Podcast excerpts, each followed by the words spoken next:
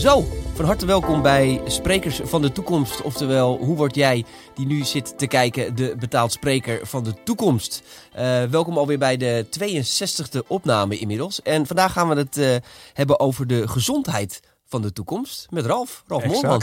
Ja, fijn uh, dat je vandaag bij ons in de podcaststudio bent. En als allereerst compliment, wat zie je er waanzinnig goed uit. Oh, dankjewel. Ja. Ja, ik ben een beetje veranderd. Ja, in, in, een hele metamorfose ja. bijna doorgemaakt. Uh, ja, ik, ik had een beetje, uh, ik een beetje inhammen. Ik had altijd een trucje om mijn haren eroverheen te laten vallen. En op een gegeven moment dacht ik van, ik laat er gewoon een paar duizend inzetten met een transplantatie. Dus, uh, je had er nog wel wat over, want jouw haar kwam bijna tot aan je schouders, ja, toch? Ja, dat klopt. Ja. Dus ik, ben, ik heb een soort van reset gedaan. En uh, nu heb ik weer een uh, wat lagere haargrens. En uh, zeggen mensen dat ik er weer jonger uitzie. Dus dat is handig ook voor, me, voor mijn vak. Ja, heel, ja, ik, wil niet, de, ik hou niet van slijmen in podcasts. Maar ik vind dat je er echt waanzinnig goed uitziet. Ik oh, zag vanochtend toevallig nog een podcast met Giel Belen volgens mij. Ja. nou, Giel Belen, mag, daar mag ook wel eens wat haar vanaf, laten we eerlijk zijn. Ja, we net broers waren we. Jullie ja. waren echt net twee broers inderdaad. Maar je kwam vanochtend binnen en ik denk, holy shit, wie is dit? Ja. nee, fantastisch man, leuk. Yes. Dus New Year, New Me. Precies. Ja, helemaal top, helemaal top. Hey, ehm... Ja, Ralf, eventjes. Stel nou dat uh, de mensen de afgelopen jaar uh, niet echt hebben opgelet in de media. En al deze ontzettende pillen van boeken van jou niet hebben gelezen. Ja. Uh, wie is Ralf? Nou, Ralf is een jongen die altijd heel erg intrinsiek gemotiveerd is om zelf gezond te leven. Maar ik vind het ook heel leuk om anderen daarbij uh, bij te helpen. En ik ben in mijn hele leven al een zoektocht uh, aan het doen naar... Goh, hoe kun je nou met leefstijl jezelf in een optimale shape krijgen? Ja. En in die zoektocht ben ik op het spoor van de hormoonbalans gekomen. En ik heb helemaal uitgezocht hoe je met leefstijl, hè, voeding en leefstijl... hoe je daarmee je hormonen kunt beïnvloeden op, op een positieve manier. Want veel mensen zijn hormonaal uit balans en hebben er allerlei klachten door. Ja, voordat we daar helemaal uh, induiken, even pasgeslagen. Ben je daar een voedseldeskundige? Ja, ik ben eigenlijk begonnen als ingenieur levensmiddelentechnologie. Ik heb okay. uh, aan de Wageningen Universiteit gestudeerd.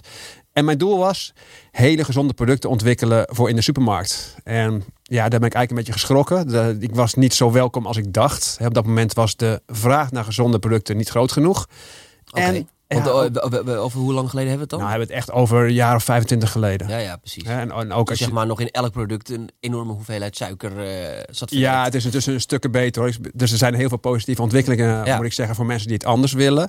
Alleen tijdens mijn studie kwam ik erachter dat, uh, dat allereerst dus de vraag niet groot genoeg was. En ten tweede ja, was er ook een probleem met patenten aanvragen en octrooien. Uh, mijn hele natuurlijke voeding, die kun je niet toe-eigenen. Nee. Dus een concurrent kan het zo namaken. En ja, op dat moment was het dus niet voldoende argument om ja, mij uh, aan te nemen. En, Oké, okay. dus, uh, als ja. er, dus als er weet dat, uh, alleen maar natuurlijke ingrediënten in iets zitten verwerkt, dan ja. kan je er geen octrooi op aanvragen. Nee, dus dat is meer op fabrikagemethodes kun je, kun je natuurlijk toe-eigenen. Okay. en bepaalde toevoegingen die je zelf ontwerpt. Maar ja, natuur is van de natuur. Daar, ja, ja, en als het geen eigendom heeft, heeft het ook geen waarde.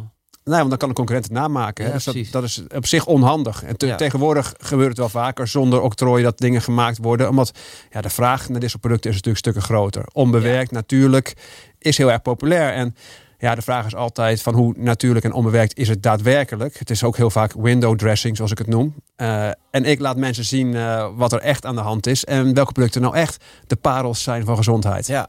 Weet je nog waar bij jou die passie ontstaan is naar, naar, naar gezond eten? Ja, echt uh, als kind al. Okay. Uh, ik, mijn vader was op dat moment uh, leraar biologie. En die nam me mee naar de dierentuin. En die legde, legde me echt alles uit over balans in de natuur. Okay. En ik vond het zo interessant en fascinerend dat ja, het ene wezen kan onder water leven. De andere in de boomtop. En weer ja. iemand, en zelfs beesten in de grond. Hoe kunnen ze zich in vredesnaam aanpassen aan die omgeving? Ja. Nou, dan ga je dingen leren. Uh, mijn vader legde me uit op, over genen, over genexpressie, over darmflora bijvoorbeeld, die zich snel kan aanpassen. En hormonen, dat kwam eigenlijk toen al ter sprake. Ja.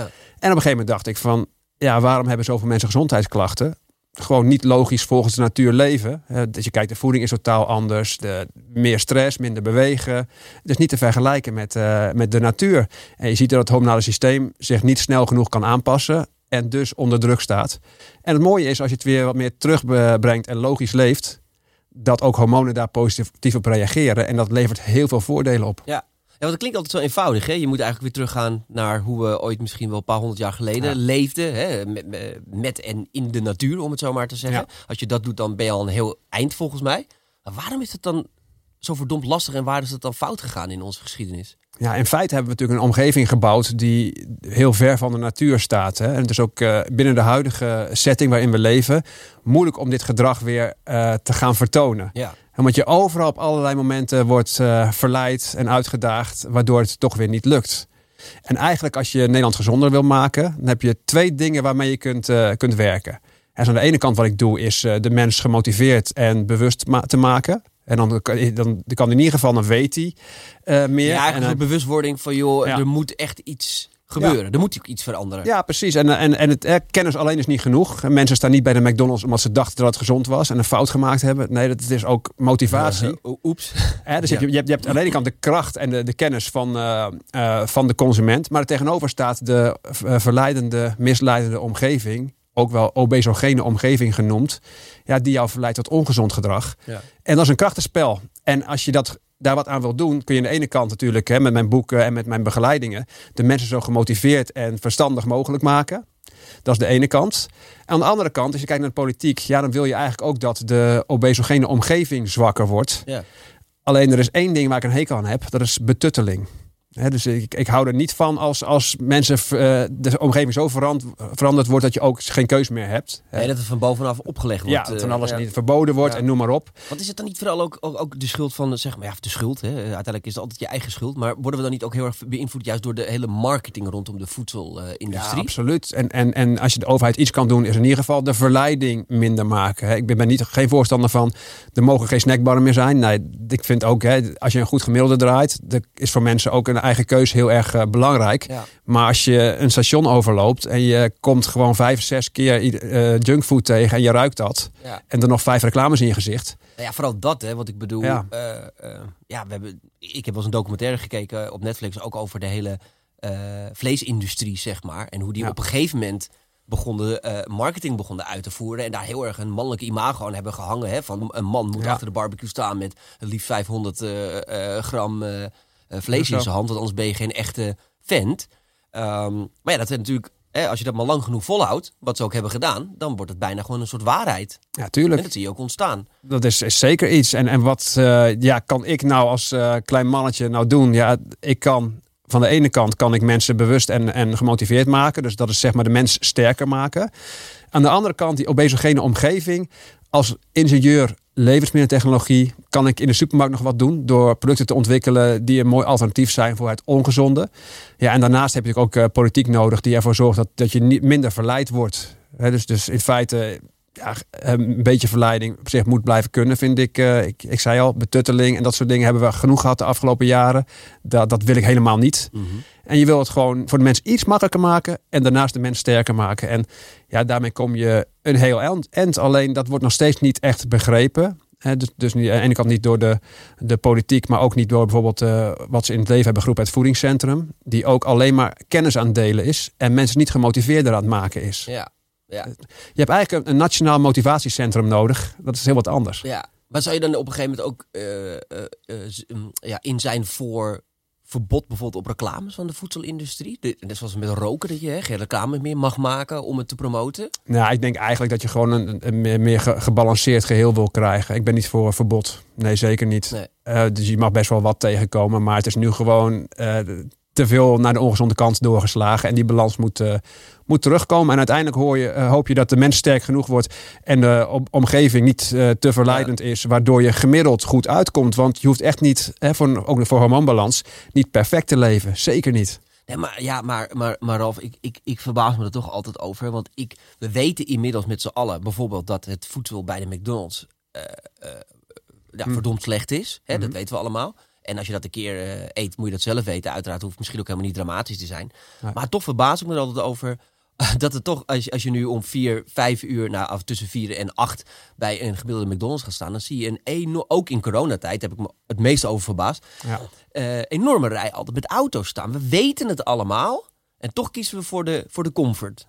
Ja, ja je ziet gewoon eh, die voeding, er wordt natuurlijk veel reclame voor gemaakt. Eh, daarnaast, als je het eet, komen er allerlei leuke pretstoffen vrij in je hoofd. Ja, en, en daar is niet iedereen even goed tegen bestand. Dus als jij niet gemotiveerd bent als persoon, ja, dat is de belangrijkste reden waarom je overstag gaat. Hè? Dus, dus je motivatie moet zo hoog mogelijk zijn om het gemiddeld goed te doen. Ja, En- en, er is ook niet zoveel alternatief. Want ik bedoel, Nou. eh, zet misschien een gezonde versie ernaast.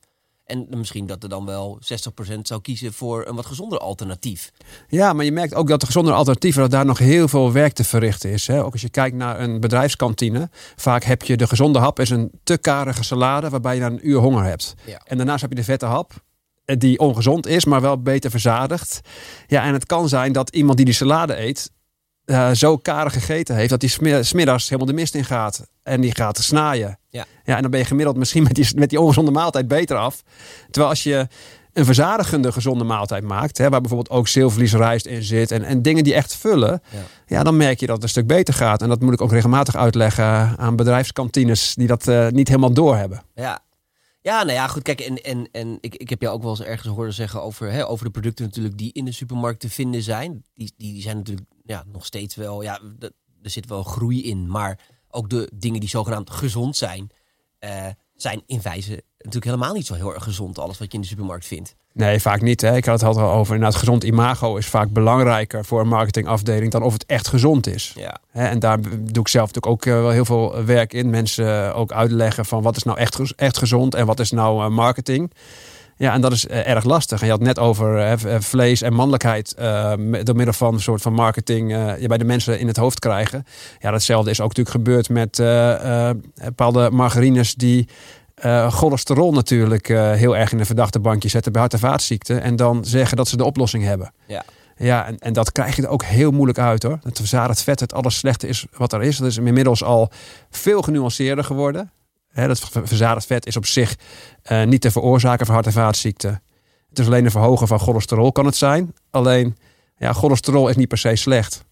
Alleen als je cholesterol verhoogd is en je hebt ook nog eens een keer overgewicht, veel ontstekingen in je lichaam, eh, veel ontstekingen op de vaatwand, ja, dan wordt het gevaarlijker. Alleen het is lang niet altijd zo bij iemand die eh, iets hoger cholesterol heeft. Ja. Dus dat is veel genuanceerder. Alleen Ja, wordt zo... die, die nuance is natuurlijk ook wat het zo ingewikkeld maakt natuurlijk. Hè? Ja, Want het is natuurlijk ook weer per persoon heel erg verschillend.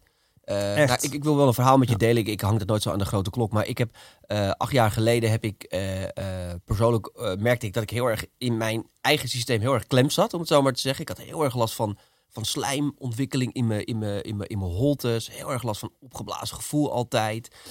Bijna tegen het ja, depressieve aan gewoon zaggerijnig, om het zo maar te zeggen. En toen ben ik eigenlijk voor het eerst gaan onderzoeken. Ja, en ik heb altijd gedacht dat ik allergisch was voor stof of voor... hè, wat heb je altijd in de zomer? Eh, hoe heet dat? Ja, pollen. pollen, dat soort dingen. Ja. Maar goed, het gek was, ik had het in de winter ook. Dus in de winter, dan verzon ik voor mezelf, ja, dan ben ik waarschijnlijk dan allergisch voor, voor huismeid. En nou weet ik van allemaal. En toen zei ik iemand tegen mij, en ik moet ook zeggen, ik had daarvoor dan nooit aan gedacht. Van, ja, moet je niet eens een keer een voedseltest laten doen op basis ook van de hormonen. Van nou, welke, Ja. welke ingrediënten reageer je wel goed op en welke niet. En bij mij kwam er echt een extreem bizarre lijst uit. Ik was echt voor alles zwaar intolerant. Eh, voor koemelk, voor ei, voor, voor, voor veel vleessoort, voor veel eh, schaaldieren. Echt een enorme waslijst. En toen ben ik eigenlijk carte blanche eh, volledig plantaardig gaan eten. Veganistisch en ook vooral heel erg suikervrij gaan eten. Dat heeft mijn leven echt volledig veranderd. Ja. Mijn klachten zijn bijna praktisch helemaal verdwenen. Eh, ik heb daardoor wel heel erg moeten leren om heel uitgebalanceerd te eten. Hè? Want zeker als je veganistisch eet, moet je wel je, je eiwitten en dat soort dingen heel erg uit, uit andere dingen halen dan de meeste mensen het uithalen natuurlijk. Ehm, maar ik ben daardoor wel heel erg eh, geïnteresseerd geraakt in gezonde voeding en in gezond leven. Ook omdat ik heb dus gemerkt wat voor enorm verschil dat eh, in je leven Heel brengt. mooi. Hoe, hoe kijk jij tegen ehm, eh, nu die hele trend? Hè, want het is inmiddels, toen ik begon was het nog geen trend. Nu is het echt een trend om veganistisch en vegetarisch te eten. Vind je dat een goede ontwikkeling? Nou, op zich wil ik hem even nog uit elkaar trekken. Ja. Je hebt het over eh, de, de, wat jij had. Je had een, een overactief immuunsysteem. Mhm. Dat betekent dat je op heel veel dingen reageert. Op pollen, dat soort dingen Ja. allemaal. Opvallend, opgeblazen gevoel. Ja. Je bent dingen eh, gaan schrappen in je voeding. Omdat jij eh, een lijst had met dingen waar je mogelijk intolerant of overgevoelig voor, Mhm. voor was. Dat is echt cruciaal. Hè, vroeger dachten we echt vooral... je moet voldoende stoffen binnenkrijgen als je voeding eet. Nu is het vooral kun je de voeding ook verteren en verdragen. En dat, dat was ook mijn allergrootste probleem. Mijn, mijn darmstelsel verdraagde het gewoon niet. Die verwerkte het niet. Ja, en dat, en dat wordt ook echt, uh, dat is echt maatwerk. Daar moeten we naartoe. We zijn allemaal anders. Ik zelf doe het niet goed op, uh, op uh, voeding met veel gluten. Ik, ben, ik heb geen celiakie, die auto-immuunziekte. Nee. Maar ik ben wel sensitief. Dus als ik twee keer per dag brood en s'avonds pasta eet, dan, dan ben ik er niet goed aan toe. Want dat is ook nog wel een nuance. Hè? Want je kan er inderdaad allergisch voor zijn. Je kan er behoorlijk intolerant zijn, maar je kan ook een klein beetje eh, intolerant ergens voor zijn. Waardoor als je het heel veel uh, consumeert, het ook weer opstaat. Ja, en het lastige is dat het niet, niet zo goed testbaar ook. Dat is meer uh, in de praktijk uitproberen. Mm -hmm. Af en toe wat dingen aanpassen in je voeding. En je komt erachter, verdorie joh, dat is, uh, heb ik mijn hele leven gegeten. En ik dacht dat ik me goed voelde, maar ik kon me dus nog beter voelen. Dat is waar je vaak, vaak achter komt. Het is heel belangrijk dat je eet wat je kunt verteren en verdragen. Dat is een, een zoektocht. En daarnaast de vraag die je hebt over ja, uh, veganistisch of niet. Ja, eigenlijk, eigenlijk zegt mij veganistisch niet zoveel. Hè. Het gaat er meer om uh, welke producten kies je, welke voedingsbronnen kies je daarbij. En hè, de voordelen die jij behaald uh, hebt, die zijn naar mijn mening niet door veganistisch te eten gekomen. Mm -hmm. Dat is gewoon doordat je bepaalde overgevoeligheden hebt en die voeding ben je gaan schrappen. Ja. Hè, dus dat is eigenlijk het, het belangrijkste.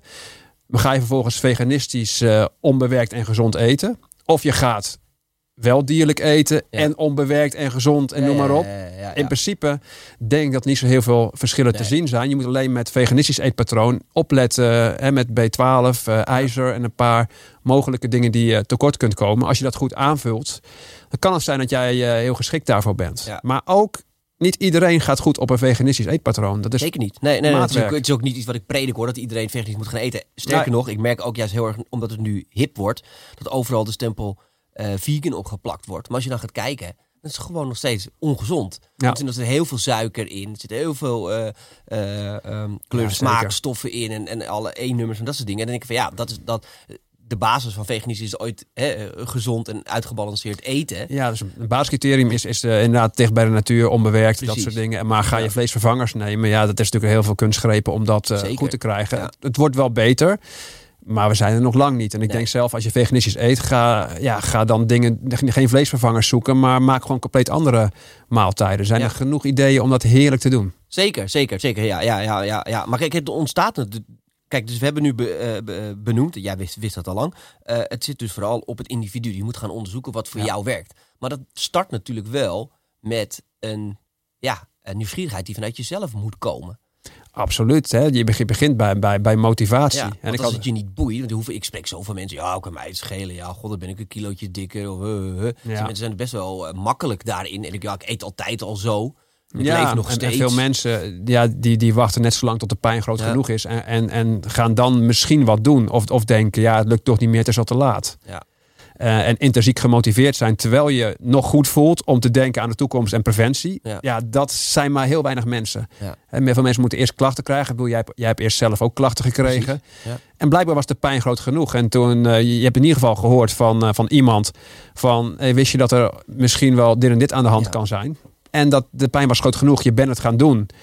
En je komt er vervolgens achter. En ja, dan, dan wil je niet meer terug naar ja. wat je had. Is dat misschien wel platgeslagen jouw missie? Om dat vlammetje bij mensen ja, aan te zetten? Dat is zeker mijn missie. En ik denk dat ik bij heel veel mensen dat ook al uh, heb kunnen doen. En, en toen mijn boeken uitkwamen, dus 2009 is mijn eerste boek De Hormoonfactor op de markt gekomen. Zie je hier... Uh, oh nee, dit is de hormoonbalans. Ja, dat is, dat is weer een vervolg. Dat is een, ja, dat is een, vrouwen. Ja, ja Hormoonbalans voor vrouwen is, is een verdiepingsboek. En ik heb ook de Testofactor voor mannen, ook een verdiepingsboek.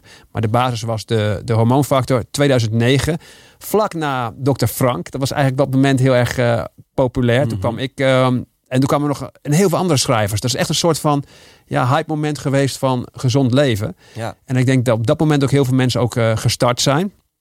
En dat was natuurlijk ook daarna een, uh, een olievlek. En ik denk met al die boekenschrijvers bij elkaar, waarvan uh, waarschijnlijk ook een aantal in je, jouw stal zitten hè, voor, ja. de, voor de lezingen. Ja. Denk ik dat we heel veel beweging hebben gecreëerd. En dat we ook uiteindelijk zelfs daarmee de supermarkt veranderen. Omdat mensen anders uh, kopen. Andere vraag is er naar producten. Waardoor ook het aanbod geleverd wordt. En als je nu ja. in de supermarkt kijkt, het is ongelooflijk voor degene die het anders wil doen hoeveel alternatief er is. Hè. Er is veel meer biologisch gekomen. Ja, ik weet nog wel, uh, iets als kokosvet of dat, noem maar op. Dat lag vroeger echt niet in de supermarkt. Het ligt er allemaal. Ja, maar ben je dan... eh, dan ben je, wel, je, je klinkt wel iets positiever gestemd over het systeem zeg maar, waar we in zitten dan wat ik je wel eens in het verleden Ja, klopt. horen, horen zeggen. Ja, ik moet zeggen, vroeger was ik er nog, nogal tegenaan aan het schoppen. Hè. Ik heb natuurlijk die, die levensmiddelenindustrie vanuit mijn studie leren kennen. Eh, en heel veel voor, voor dichte deuren gestaan. Dat ik merk gewoon, gewoon er is geen beweging in, eh, in te krijgen. Dat op dat moment voor mij de enige optie was die vraag veranderen. En dat is natuurlijk op kleine schaal gebeurd. Ik ben ook in het begin, eh, voor mijn boeken, ben ik een rondleiding in de supermarkt gaan geven en personal trainer geworden. En dus ik ging met mensen de supermarkt in om te laten zien wat wel, wat niet en, eh, en waarom. Oh ja. Dat is op kleine schaal de vraag veranderen. Daarna kwamen die boeken erbij. Nou ja, toen ik ook opkwam met mijn boeken, kwamen er heel veel andere schrijvers bij. En ik, ja, de- dat heeft er toch wel wat in gang gezet. Je moet aan de vraagkant moet je uiteindelijk beginnen. Ja. En intussen, de laatste jaren, zit ik echt naar de supermarkt te kijken. Want ik heb een, een boekje, de boodschappencoach. En dat moet ik Mhm. eh, updaten ieder jaar. En ik denk van, toch, dan kan ik er weer een paar mooie producten bij zetten. Zeg. Ja. Het wordt Ja. steeds mooier. En, en natuurlijk ligt die troep er ook nog wel. Ja. Maar Maar wat is de balans nu? ja, ik, ik denk, dit is nog steeds gezond, is het misschien 20 procent. Nou ja. 80% niet, maar het was echt gewoon, gewoon 5 schrijnend procent of zo. Ja, het is veel beter geworden. En het gaat er mij vooral om, ik bedoel, ik kan niet heel Nederland veranderen. Eh, de mensen die het anders willen doen, dat in ieder geval daar de producten liggen en de optie er is. Ja. En, en ik hoop zoveel mogelijk mensen dan eh, gemotiveerd te krijgen om dit daadwerkelijk eh, te gaan doen. Ja. Ja, en ik ben zelf, ik ben, moet zeggen, ik ben al heel erg trots. Ik, ben, ik had mijn verwachtingen. Als je begint iets te doen, dan word je een soort activist. En dan heb je, Mhm. leg je je verwachtingen heel hoog. Oh, ja. En ik heb dat veel lager gelegd. En ik, daar word ik, word ik een stuk gelukkiger van. Ja. Kan, kan je in de basis uitleggen wat, wat, wat eh, jij eh, bedoelt met die hormoonbalans? Waar, waar, waar, hoe je dat als mens kan helpen of je leven kan Ja. verbeteren? Nou, sowieso allereerst hormonen. Dat zijn signaalstoffen in het lichaam die ons in balans houden. Het, het, het zenuwstelsel meet de hele dag door je binnen- en buitenwereld. En als er iets verandert, hè, de, de bloedsuiker gaat omhoog of, of je bloeddruk verandert of noem maar op. Dan gaan hormonen je in balans houden hè, binnen bepaalde ideaalwaardes. Maar je merkt als je dat Gaan systeem onder... compenseren of zo? Of die, Nou, gewoon die, die weten gewoon, oké, het bloeddruk loopt nu te hoog op. Ik ga weer een ander hormoontje maken, dan wordt hij Ja, weer precies. lager en, Ja. en dat soort dingen. En we worden de hele dag door, zonder dat we daar bewust van zijn, worden we in balans gehouden. Alleen het systeem is natuurlijk ontwikkeld op een omgeving van eh, heel veel tienduizenden jaren geleden. Eh, en intussen, de laatste 50 jaar, is het bizar wat we dat systeem op de proef stellen. Als je de voeding bekijkt eh, die we eerst aten en wat er nu allemaal je, je naar binnen stopt. Ja, het is gewoon niet, niet te vergelijken. En dat systeem staat onder druk. En je merkt gewoon dat het ons niet meer optimaal in balans kan houden als we zo ongezond leven. En omdat we er te veel dingen in stoppen waar, het op gaat, waar die hormonen op gaan reageren. Of- Ja, een van de meest bekende onbalansen is dat onze insulinewerking vermindert. Ja. We hebben natuurlijk als bloedsuiker stijgt, is er insuline, het hormoon, om de bloedsuiker eh, naar beneden- beneden te halen. Mhm. Alleen als je dat systeem ontzettend op de proef stelt, dan zie je dat de cellen eigenlijk een beetje doof worden voor insuline. Dat noem je insulineresistentie.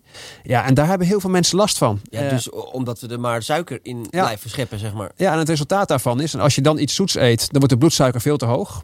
Eh, en als je nog geen diabetes hebt, eh, dan eh, wordt het gevolgd door een dip in je bloedsuiker. Oh ja. En zeker de helft van Nederland is, eh, is resistent voor insuline.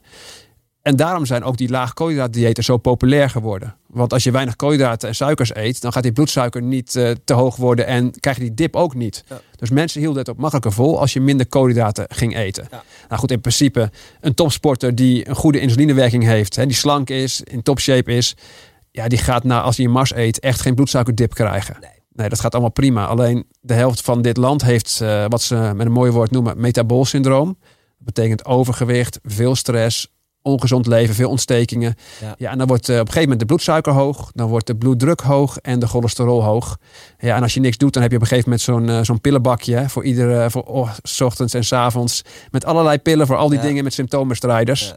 En dat is wat je heel veel ziet. En dat vindt pharma heel leuk. Maar ja, in feite, als je symptomen alleen maar bestrijdt, dan van binnen ben je nog steeds aan het, eh, word je nog steeds gesloopt hoor. Ja, ja ik, ik heb nog nooit pillen ervoor hoeven te gebruiken of zo. Maar ik weet wel nog dat, dat ik acht jaar geleden eh, en die periode daarvoor dus... Ik was echt wel een suikerjunk om het zo maar te zeggen. Ik had veel koek en, en, en Ja. snoep en, en altijd met boterhammen met de hagelslag. En dat is altijd voor de gemak om het zo maar te zeggen. Maar ik, ik weet dat ik heel erg altijd zo ging in mijn energie de hele Ja. dag. Weet je, dat was doodvermoeiend was het ook. Dat je, ik weet nog dat ik dan gesprekken had met mensen en dan halverwege zo'n gesprek echt van die dat ik bijna duizelig werd van het wegvallen gewoon. Dat je Ja. weer, weer ja, niet Ja, lekker in je dat- energie zat. En ik weet dat ik toen die suiker heel erg naar beneden had gebracht. Ja, dat ik veel constantere energie de hele dag had. Ja, en dat, dat is eigenlijk wat heel veel mensen ervaren. Aan de ene kant heb je de mensen die op die bloedsuiker reageren, die er last van hebben. Maar ook wat je net zegt met die voedselovergevoeligheden. Als jij niet weet dat je ergens overgevoelig voor bent, iedere keer wanneer je het eet, wordt het immuunsysteem uitgelokt. En dat zuipt ook energie. Dus je kunt je ook hè, met allerlei dips krijgen door Ja. overgevoeligheden. En, en ja, een zoektocht daarnaar is echt super belangrijk. Ik heb eigenlijk de meeste mensen ehm, van hun klachten afgeholpen door de juiste dingen niet te laten eten.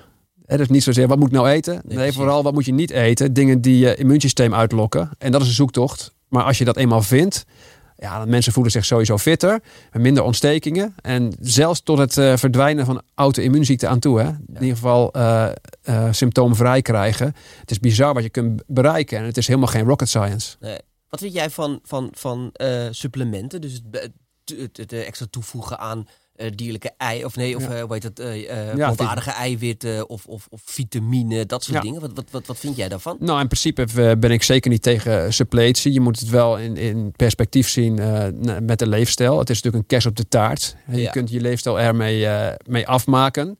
En ik moet niet ben de basis zijn, zeg je. Nee, zeker niet. En ik ben ook wel een voorstander vooral van eh, doseringen die niet te hoog zijn, waarmee je een tekort oplost. En dat gebeurt natuurlijk lang niet altijd. Je kunt ook een hoge dosering supplement nemen, niet om het tekort op te lossen, maar om een effect te forceren met een hoge dosering. En dan denk ik, ja, dan ben je wel met een supplement bezig, maar je bent eigenlijk zit dicht tegen pharma aan. Dus eigenlijk ben je nou een leefstijlbegeleider of een arts. En dat valt daartussen. En dan heb je natuurlijk ortomoleculaire specialisten die daar wat meer mee kunnen.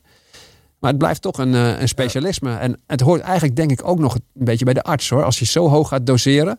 Maar ik werk zelf vooral met eh, de, de dingen om te- tekorten tegen te gaan. Mensen die, eh, als je kijkt naar dingen, welke gebruik je nou veel? Mensen die geen vis eten, heb je omega-3. Mhm. Dan heb je mensen die, eh, ja, vitamine D is natuurlijk een hele belangrijke. Zeker Ja. als je weinig zonlicht ziet of je hebt een donkere huid Ja. die moeilijk zonlicht eh, of die moeilijk vitamine D aanmaakt.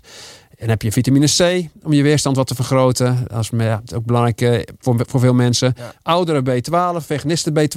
Ja. En dan eh, F magnesium, zeker als je veel sport en veel stress hebt. Eh, dat zijn van die basisdingen. Ja. En maar soms- niet van die, van die pillen nemen die helemaal volgedouwd zitten. Nee, niet zozeer. En natuurlijk kun je een keer een multivitamine ernaast doen. Ja. Maar het is ook niet erg om af en toe te vergeten. Om je lichaam ook niet eh, te lui te maken. Want sommige Oh ja. dingen maak je ook zelf aan. Hè? Ja. Als, als nou iemand zit te luisteren hè, en die zit er vast te luisteren, want, eh, ehm, want kijk, het probleem van al dit soort dingen is dat het best wel complex is. Hè? Ja. Als, je, als je hier, als je zeg maar gewoon gewend bent om normaal te eten, en dat is hè, normaal volgens de, eh, volgens de maatschappij, en je wilt het gaan veranderen, dan is het best wel intensief. Ik weet ook, Ja. ik weet ook nog wel, toen ik mijn eh eetpatroon ging veranderen, was best intensief, want je moest heel, moet heel erg onderzoek doen. Wa- wa- waar kunnen mensen het beste beginnen? Ja, sowieso. Hè, jij was heel gemotiveerd. Dat, is, dat Ja. is al heel erg belangrijk. Hè. De pijn was groot genoeg. Je was er waarschijnlijk klaar mee met wat je allemaal had. En je wist van oké, als ik dat en dat aanpas, dan kan ik misschien wel van afkomen. Ja. Vanuit die motivatie ben je cold turkey van alles gaan doen. Maar dat hoeft natuurlijk niet. Hè? Nee. Ehm, wat ik heel belangrijk vind, is allereerst de motivatie. Ehm, waarom wil je gezonder leven? En die waarom moet sterk genoeg zijn. En ga daar jezelf over nadenken. Ga jezelf die vraag stellen. Ook de waarom onder de waarom. En probeer die waarom ook te, te vergroten. Dus als jij een bepaalde lichte klacht hebt, dan kun je jezelf de vraag stellen. Stel je voor, als ik nog tien jaar zo doorleef, hoe zit ik er dan bij? Nou ja, misschien Ja. dat je daarmee de pijn vergroot, waardoor het eh, beter wordt. Je kunt ook de positieve kant bekijken. Hè, dus je jezelf op een bepaalde manier voelt, of eh, een bepaalde, bepaalde hoeveelheid van een klacht. En vervolgens bedenken, oké, eh, hoe voelde ik me tien jaar geleden? Stel je voor je in topshape was, dan kun je de positieve dingen kun je voor, eh, voor je gaan zien. Of je kunt denken van stel je voor dat ik er vanaf kom van die klacht. Hoe is mijn leven dan? En, en daarmee probeer je de waarom heel erg groot te maken. Zodat je, wanneer je verleid wordt, je hebt de keuze tussen iets gezonds of gezonds. Dat je toch dat beeld voor je hebt, waardoor je het gezonde kiest. Hè? Dat je het in ieder geval vaker kiest. En als je de motivatie inderdaad in kaart hebt eh, gebracht, ga je daarna vooral kijken naar je leefstijl van het afgelopen jaar gemiddeld. En ga vooral kijken, wat zijn nou drie dingen waar ik het meest kan winnen? En ga die, die, die drie dingen als eerste doen. Ja, ik bedoel, we hebben het nu allerlei over voedselovergevoeligheden, noem maar op. Maar als je terug gaat kijken bij heel veel mensen, ja, dan heb je het over eh, vier flessen wijn per week, ehm, zakken chips in het weekend en dat soort dingen. Dat zijn grote dingen Ja. Waar je het meest kunt winnen. En die moet je allereerst aanpakken. En vaak als je die al aanpakt. Wat er misschien wel heel erg ja, open deuren intrappen is Ja. vaak. Soms heb je dan al 80% van je resultaten. Dus gewoon de echt ongezonde dingen weglaten.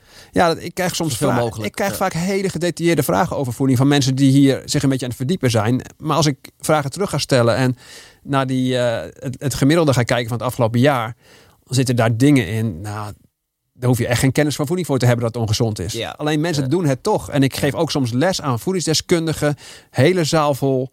En vervolgens eh, is gewoon de helft niet in shape. Hè? Ja. Dan denk ik, van, ja, leuk om nog meer kennis te vergaren hier. Maar je gemiddelde moet beter. Er zitten nog va- waarschijnlijk valkuilen in je, in je leefstijl. Dus je basis is dan denk ik vooral ehm, eh, de echt ongezonde dingen weglaten. Ja. Eh, bewegen misschien wel. Hè, Ja, er zijn natuurlijk een hele hoop mensen die gewoon niet bewegen. Ja. Eh, de natuur in, om het zo maar te zeggen. Absoluut. En je hebt bewegen en trainen. En Bewegen is iets doen wat je al kan. En dat kun je iedere dag doen. Hoef je niet van te herstellen. Eh, trainen is iets forceren om ergens beter in te worden. Ja. Dus dat, is- dat, dat, daar heb je wel herstel voor nodig. Dat is net even anders. Hangt van je, van je doelstelling af. En natuurlijk het stressthema. Stress en mentaal. Dat is natuurlijk ook heel veel eh, werk Ja, in deze combinatie tijd. met slapen ook natuurlijk. Dat is ook een heel belangrijk eh, factor. En het een, Absoluut. eh, verzorgt natuurlijk eh, eh, ja, een negatief effect op het ander. Ja, dus je begint eigenlijk ook vanuit een helikopterview naar deze thema's allemaal te kijken. Als je iemand gaat Ja. begeleiden, dan begin je vanuit helikopterview, pak je de grootste dingen aan.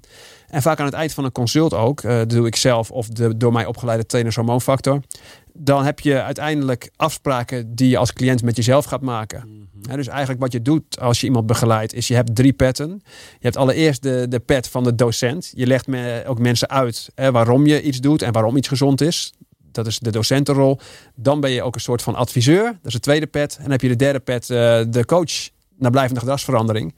En daar ben je voortdurend een beetje, een beetje mee aan het spelen. En vooral het, de, eh, de adviespet is voor mij vooral, als je als docent het goed uitgelegd hebt, kun jij zelf je eigen plan maken. Hè, dus Ja. dan vraag ik, oké, eh, dan doe ik een mooie samenvatting, dit overziende. Oké, welke afspraken ga jij met jezelf maken om je resultaten te verbeteren? Nou, dan komen dan vaak maar een stuk of vijf afspraken met jezelf uit. Hè? Je denkt misschien dat je een heel actieplan meekrijgt Ja. met, met, met misschien wel Dat 30 lijkt soms zoveel, hè? Als het Nee, op je afkomt. Nee, als je heel goed, eh, goed echt vanuit helikopterview kijkt naar de grote dingen. En als je die vijf dingen eruit hebt en je mensen gaan het gemiddeld dat een stuk beter doen op die vijf dingen. Dan zei ik al, hebben ze al 80% van het resultaat. En natuurlijk kun je op dat moment, als je dat bereikt hebt, nog verder willen. Je bent nog Ja. gemotiveerder. Ja. En dan ga je misschien weer een stap verder. Maar als we in Nederland, als iedereen die vijf dingen al zou doen. En dat in kaart zou brengen en uitvoeren. Ja, een heel stuk verder. dan ben je zo ontzettend veel verder. En Ja. eh, natuurlijk kan ik eh, het over de diepste details hebben van voeding met heel, heel gemotiveerde mensen. Ja. Maar dat zijn vaak mensen die mijn boeken lezen en die mijn hulp Ja. niet nodig hebben. Mhm. En die anderen hebben persoonlijke coaching nodig. Ja. Hey, nou wordt er altijd een hoop geroepen, hè? Ook, ook door, door de, de gezondheidsinfluencers tegenwoordig en zo. Ja. Wat, wat zijn nou twee of drie eh, echte fabels als het gaat om gezond, gezonder leven? Nou, als je kijkt naar influencers, ik ben nog steeds, wat ik fabels vind, is dat zoveel mogelijk kennis vergaren het belangrijkste is. Zo gemotiveerd mogelijk worden en weten waarom je Ja. iets doet, waarom je gezond wil leven. bij jezelf vinden. Veel Ja. belangrijker dan kennis vergaren. Ik zei al, die, die voedingsdeskundigen in die zaal, eh die nog meer kennis vergaren, terwijl de motivatie eh, blijkbaar niet hoog genoeg is om een goed gemiddelde te draaien. Want het enige wat telt is je lange termijns gemiddelde. Dat moet je uiteindelijk eh, beter hebben.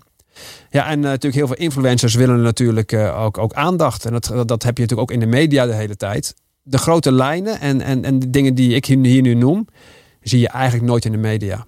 Hè, dus aan de ene kant heb je de, Omdat niet, eh, het geen nieuwswaarde heeft. Nee, het heeft geen nieuwswaarde. En ook zeker eh, een, een jaar of vijf, zes geleden was het heel erg populair, ook in de talkshows. Ehm, en toen was het maar één manier. Dat was de meest ouderwetse professor. Zet je tegenover de meest ongenuanceerde ja, voedingsblogger, ja, wat je voedingsgoeroe noemt. Dus heb je goeroe tegen professor. En die laat je, laat je met elkaar vechten. Laat ik even lekker, lekker clashen met Ja, dat je clashen. Uiteindelijk zijn ze het nergens met elkaar over eens. En de mensen zien sensatie, maar hebben geen oplossingen voor zichzelf. Zijn Ja. niet gemotiveerd om gezonder te leven. En zeggen, ja, die zegt dit, die zegt dat. Ja, Eh, want de ene lijkt een ja. wappie, de ander lijkt een grijze muis. ja, En de- dat is altijd hetzelfde spelletje.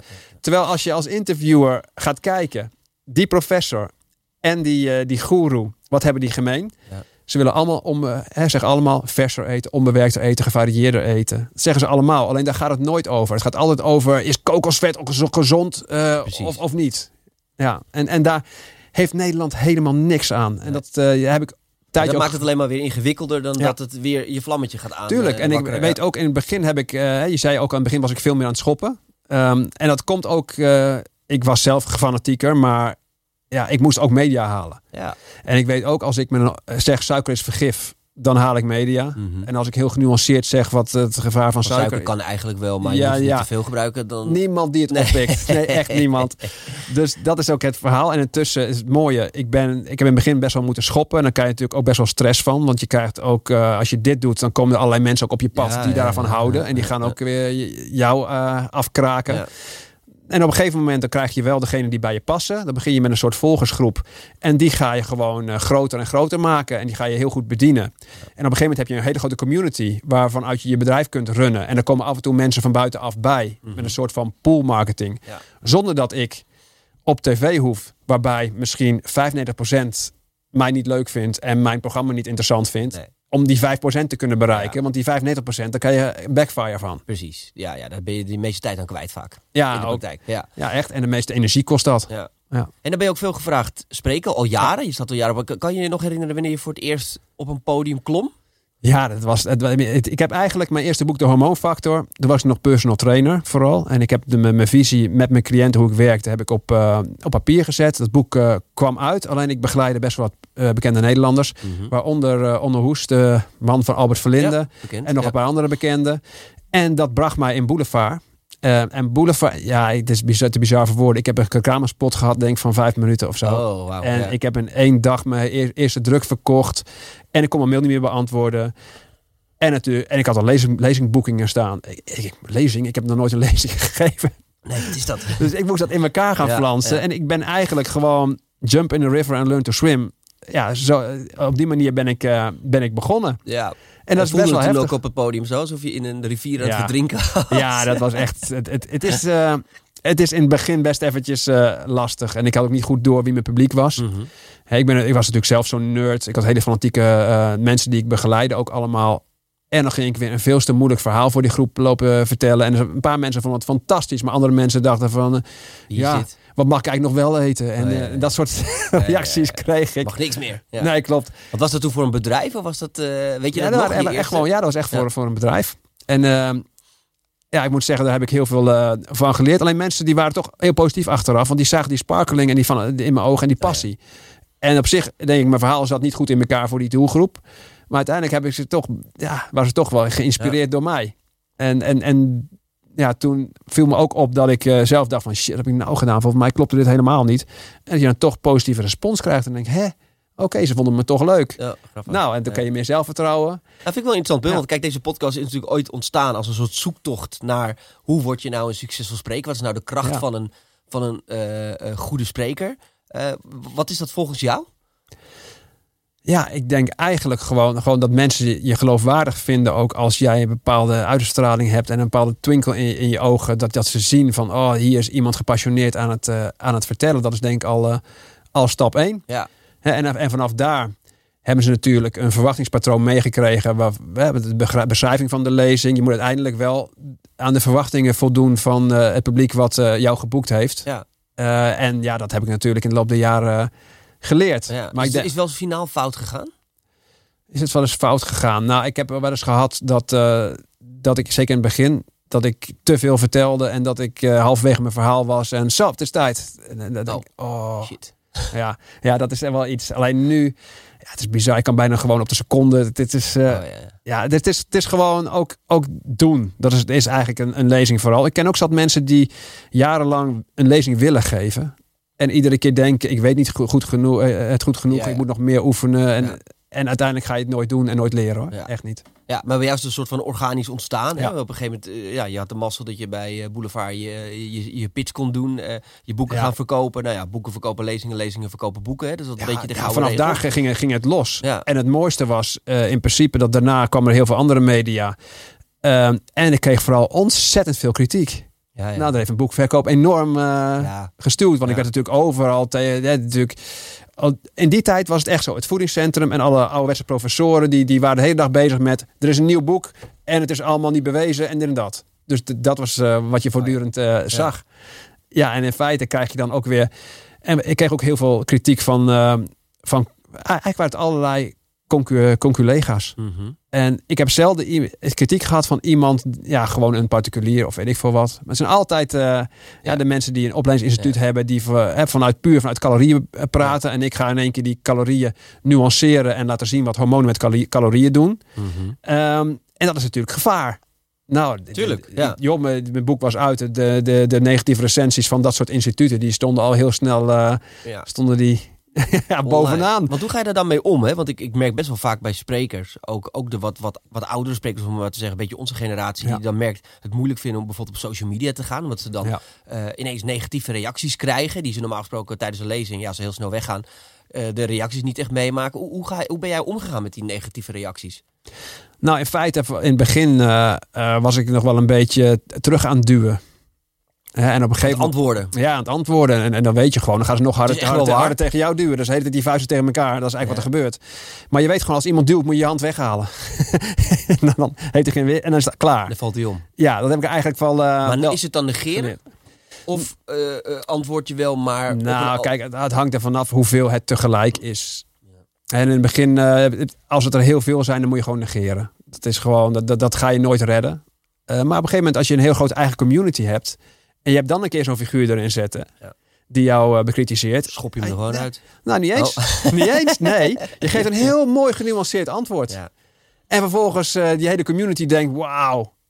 Ja, hij, wordt hier uitgedaagd en hij, hij, wordt niet boos en hij reageert heel rustig. Uiteindelijk maakt dat ook niet. Ik, ja, ik, ik, ben, eh, heet dat? Het is natuurlijk mijn vak om mensen te begeleiden met een mening. En ik heb inmi- inmiddels ook wel gemerkt. Ik zit er soms wel eens door social media te scrollen. En dan denk ik ook wel eens. Ja, uiteindelijk maakt dat ook niet uit. Of je nou gelijk hebt. Want uiteindelijk kun je, kun je over alles kan je helemaal dood eh, eh, beredeneren. En ook over ondernemerschap, over duurzaamheid. Dat zijn natuurlijk allemaal hele complexe eh, onderwerpen. Maar het gaat er niet zozeer om of je nou iemand gelijk... Want we willen altijd maar... Ja, maar je hebt geen gelijk of je hebt wel gelijk. Het gaat er natuurlijk om dat je iets uiteindelijk... Nou ja, dat, dat interne vlammetje bij iemand... Ook met ondernemerschap. Als maar één iemand denkt... God, wat tof, weet je, om, om te gaan ondernemen. Dus ik ga nu die eerste stap zetten. Ja, maakt het dan zo heel veel uit of, of iemand dan wel of niet gelijk heeft over een bepaald onderwerp? Nee, ik vind het heel belangrijk met mensen, ook, ook eh, die ik al langer ken. En ook eh, zeker in de conculega's in het vak. Eh, Ze zullen dingen zijn waar ik niet mee eens ben. Maar ik vind de onderliggende intentie vind ik heel erg belangrijk. En of, en of ik ook zie dat mensen ook bereid zijn te leren en te veranderen. Ja. Ik bedoel, ik praat ook niet hetzelfde als, als eh, twaalf jaar geleden Nee. toen mijn boek ongeveer eh, uitkwam. Ik heb Nee. veel geleerd. En, en, en kijk, ook qua Ja. gezondheid zijn er natuurlijk, kan me voorstellen, steeds nieuwe invalshoeken, toch? Ja, tuurlijk. Dus, Ja. dus je moet op een gegeven moment, hè, daar moet je ook mee, eh, mee omgaan. Je leert steeds meer. En ik denk als je een beetje plastisch bent daarin en bereid bent te veranderen, dat, ja, dat je daar ook steeds meer waardering voor, voor krijgt. En niet stug vasthoudt aan een bepaalde dogma of zo. Ja. Wanneer ben je tevreden? Eh, ik ben eigenlijk al tevreden. Ja. Saai antwoord, zeg. ja, sorry. ja. Nee, maar, Maar- meer over, wat, wat, wat, heb je nog op je, op je eh, horizon staan? Een soort, soort- Nou, ik, heb nu, ik, ik, ben, eh, ik, moet, ik moet zeggen, op, afgelopen jaar, op een gegeven moment toen, ja, kwamen er niet zo heel veel nieuwe dingen uit. En ik moet zeggen, ja, op een gegeven moment kom je in een soort sleur terecht. Mhm. En nu heb ik bedacht, deze boeken gaan in, als e-book uitgebracht worden. Ik heb natuurlijk helemaal in een bepaald format gegoten. Mhm. En het is ideaal om ze dan eh, te vertalen. Oh, En ik heb ooit mijn eerste boek, een hele slechte versie daarvan, eerste versie, ooit een keer eh, op Amazon is die gezet eh, in het Engels. En we hadden niet naar gekeken, maar blijken we gewoon honderden boeken per, per jaar te Oh, verkopen. ik heb het niet eens door. Maar ja, daar gaan we dus meer aandacht aan besteden. Dus je, je gaat Internationaal. over. Ja, dus ik wil internationaal dit, mijn verhaal ook, ook kunnen delen. Want ik denk ook dat het wereldwijd uniek is. Hè, de manier waarop ik het hormoonverhaal heb vormgegeven. Ook hoe laagdrempelig het is voor mensen om dit te begrijpen. Dus eh, dat is wat ik aan de ene kant doe met eh, het eh, gemotiveerd maken en, en verstandig maken van mensen. Mhm. Aan de andere kant heb ik een eigen merk, Ralph Jane, opgezet. Dus ik wil ook meer levensmiddelen zelf gaan ontwikkelen. Oké. Dus ik, ik had al een glutenvrij decembrood ooit eh, bedacht in Duitsland, samen met een aantal experts. Tof. Dat is in Nederland op de markt gekomen als zijnde Jam Decem, heet het. En dat ligt in allerlei supermarkten. En ja, intussen wil ik meer producten gaan maken. Dus heb ik een eigen label in het, eh, ja, eigenlijk in het leven geroepen. En daar hoop ik eh, mooie oplossingen te gaan bieden als alternatief tegen de ongezonde producten. Ja, mooie missie, eh Ralf. Ja. Helemaal top. Fijn dat je vandaag eh, hier in de studio kan komen. Nogmaals, je ziet er waanzinnig uit. Oh, dankjewel. Goede transformatie eh, doorgemaakt. Ik denk dat je dat zeker ook gaat helpen bij je missie. En eh, we blijven je gewoon volgen. Dankjewel. En succes eh, met de internationale doorbraak, zou ik dat maar Yes. zeggen. Dankjewel. Jullie allemaal weer bedanken voor het eh, kijken en luisteren naar eh, deze podcast. Check vooral eh, Spotify of YouTube voor alle overige 61 podcasten inmiddels. Dus bedankt voor het kijken en het luisteren.